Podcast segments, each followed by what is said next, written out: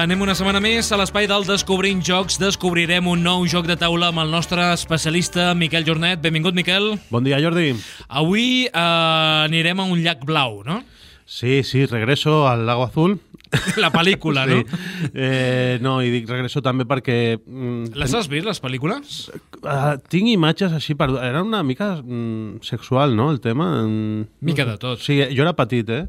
Bueno, no sé. Banda sonora ensucrada... La imaginació es disparava. Doncs eh, no té res que veure la pel·lícula. No, no. Eh, dic regreso perquè regressem amb, amb un autor que és ja conegut aquí a la secció, Ens que posem és d'en peus abans de dir el nom. el doctor en matemàtiques Reiner Nícia. Sí, sí, sí, senyor. Per tant, això vol dir que és un joc de qualitat. És un joc que està bé, a veure, de qualitat. Hi ha gent que ja busca més tema, menys que mecànica, i, i clar, no els hi agraden els jocs del Nícia, però, però és un joc que sí, que, que està bé, eh, l'explicarem ara. Artista gràfic, És Thomas Larek, editor, Blue Orange Games, número de jugadors, de 2 a 4, però a 2 no funciona bé. Bueno, funciona, però, però no tan bé com a 3 a 4. Per tant, aquí podríem compartir doncs, amb el Vicenç i amb el Satur d'Histeria, per exemple. Per no? exemple, I llavors sí. podem jugar els quatre Sí, sí. i així aniré millor. Edat recomanable. A partir de 8 anys, Temps de partida, 30-45 minutets... doncs està bé, el que, el que dura una primera part de futbol, no? Sí, sí, 45 després... minutets. Sí, sí, sí, sí. Aqu- Aquest joc, a part, té dos parts, ja, ho- ja veuràs, ho explicarem després. Mecàniques del joc. És un joc de control d'àrees, o el que acostumem a dir majories, també de construcció de rutes i set collection, que és eh, recollir cosetes i fer diferents sets. El preu. Surt per 26,95 aproximadament. La caixa està bé. Sí, un peces de tauleret. fusta. Correcte, Està bé, sí. està bé. Nota mitjana.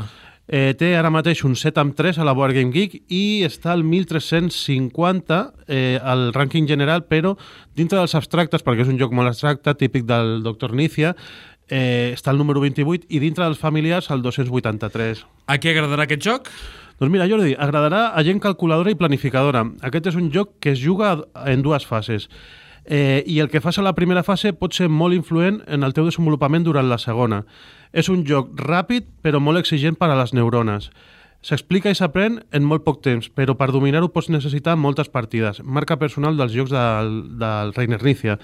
Recorda altres jocs del doctor en matemàtiques, com pot ser, a mi, el que més em recorda és un que es diu, que només va sortir en alemany, que es deia Jager und Sammler, que era cazadores i recolectores i que també tenia aquestes dues fases molt marcades.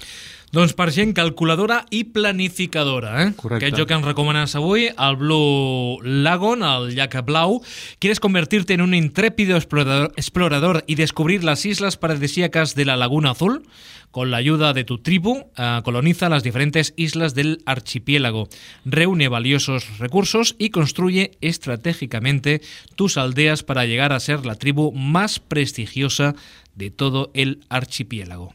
Aquest és l'argument de sí. Blue Lagoon. Clar, Laguna Azul potser no hagués quedat molt bé, no?, el nom, o no? Mm, És que en realitat és que no parla d'un llac, parla d'unes illes de, dels maoris que suposo que estan en, en el mar, però que ells igual es refereixen al, al Blue Lagoon, no? O sigui, aquí tindrem a Baiana, també, no? També... Sí. no, a veure, som, és un tauler que té vuit illes i està tot separat per hexàgons, com si fos un wargame així hexagonat, per dir-ho d'alguna manera, i la preparació és molt ràpida. Tu col·loques el tauler sobre la taula, tens una bossa de tela amb unes peces de fusta, que seran les, amb les que farem el set collection, i has de col·locar a l'atzar eh, aquestes peces als diferents temples de les vuit illes. Són vuit illes que si siguessin set es podria haver fet un joc de les Illes Canàries i de la colonització de les Illes Canàries. Eh? Eh, eh, també tenim, després cada jugador té un set de fitxes d'explorador que per una banda té un explorador que va en barca, amb canoa, i per l'altra un que està allà al terra, eh, perquè aquestes fitxes són duals. Eh, tu quan les col·loques sobre porcions de mar, les has de col·locar amb la barca i després quan estan a- sobre terra les has de col·locar amb, amb l'altra, no? I també tenim com unes casetes, com, com unes petites casetes que, que s'han de construir a, a les diferents illes. El, el lloc el que simula és la colonització d'aquestes illes pels maoris. No?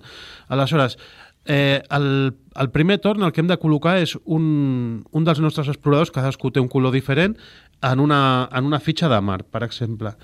I a partir d'aquí podem col·locar més, més en posicions de mar diferents o si col·loquem en terra hem de col·locar adjacents via els hexàgons eh, el que hem col·locat eh, de mar anteriorment. I re representa així com que primer un mariner va arribar a una de les illes i després es va fent una ruta perquè tu vas col·locant sempre en línia com si fossin formiguetes fent una filera i després es puntua eh, diferents coses. Es puntuen les majories de, de, el que té més, més pobladors en una illa, es gua- guanya un número de punts que pot anar de 6 a 10, eh, depenent de les illes si són més grans o més petites.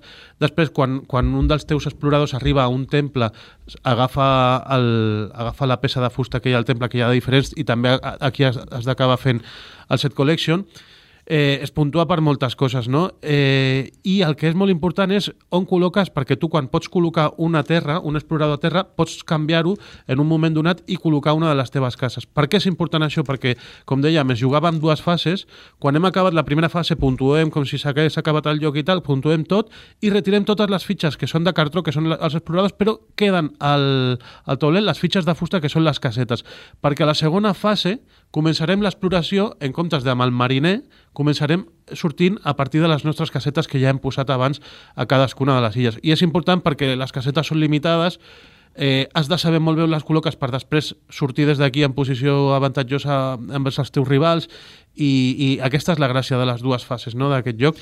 El recomanes, aquest, eh? El Aquest Blue és, Lagoon. aquest és recomanat, sobretot perquè les partides són molt ràpides, però ja dic, eh, li dones el coco moltíssim, sobretot quan jugues tres, que es, eh, et poden fer la pinça a dos jugadors perquè els interessa, perquè tu estàs guanyant durant la primera fase i durant la segona van a per tu, intenten bloquejar-te, o a quatre també és, és molt més xulo que, que, que no només a dos. A dos no té pràcticament gràcia, el que passa és que per vendre més unitats el fabricant sempre posa mínim dos perquè es juga molt en parella, però aquest joc, sent sincers, hauria d'haver sortit eh, 3-4 jugadors. Sí, perquè hi ha pocs jocs, eh? De que es puguin jugar dues persones, eh? Això hauríem de reclamar-ho encara...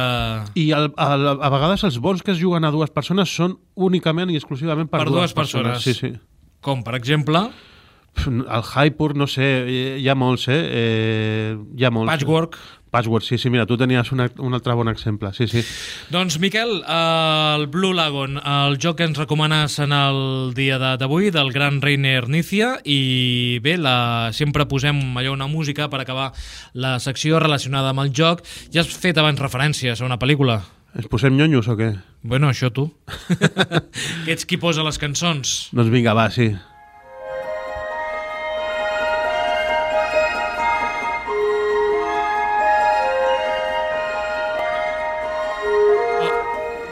Però aquesta, Miquel, és la segona part, no? És el regreso, no? El Lago Azul. Jo crec que sí, que... A la primera tenen un nen, Ah, sí, sí. i al final sí, de sí. tot. El Roset ja aquell. acabo de sí. dir un spoiler com una casa. No sé, jo quan he buscat la música eh, estava com, ho posaven així com eh, música de Basil Poledouris, que deu ser, això li preguntarem al Toni Herrero, deu ser un dels grans eh, músics del cinema, suposo, no sé, eh? eh? I és aquesta música la que il·lustra avui dia el, el Blue Lagoon de Rainer Nithia. O sigui, si quan juguis en el joc em poses aquesta peça en bucle, no? Va Home. sonant, no? Li va bé, no? A veure, a veure, a veure, escoltem.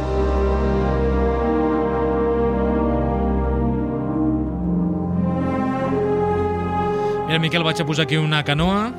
A veure si acabarem tenint un fill, tu i jo. Miquel Jornet, fins la propera setmana. Vinga. Gràcies per acompanyar-nos avui al Descobrint Jocs. Adéu.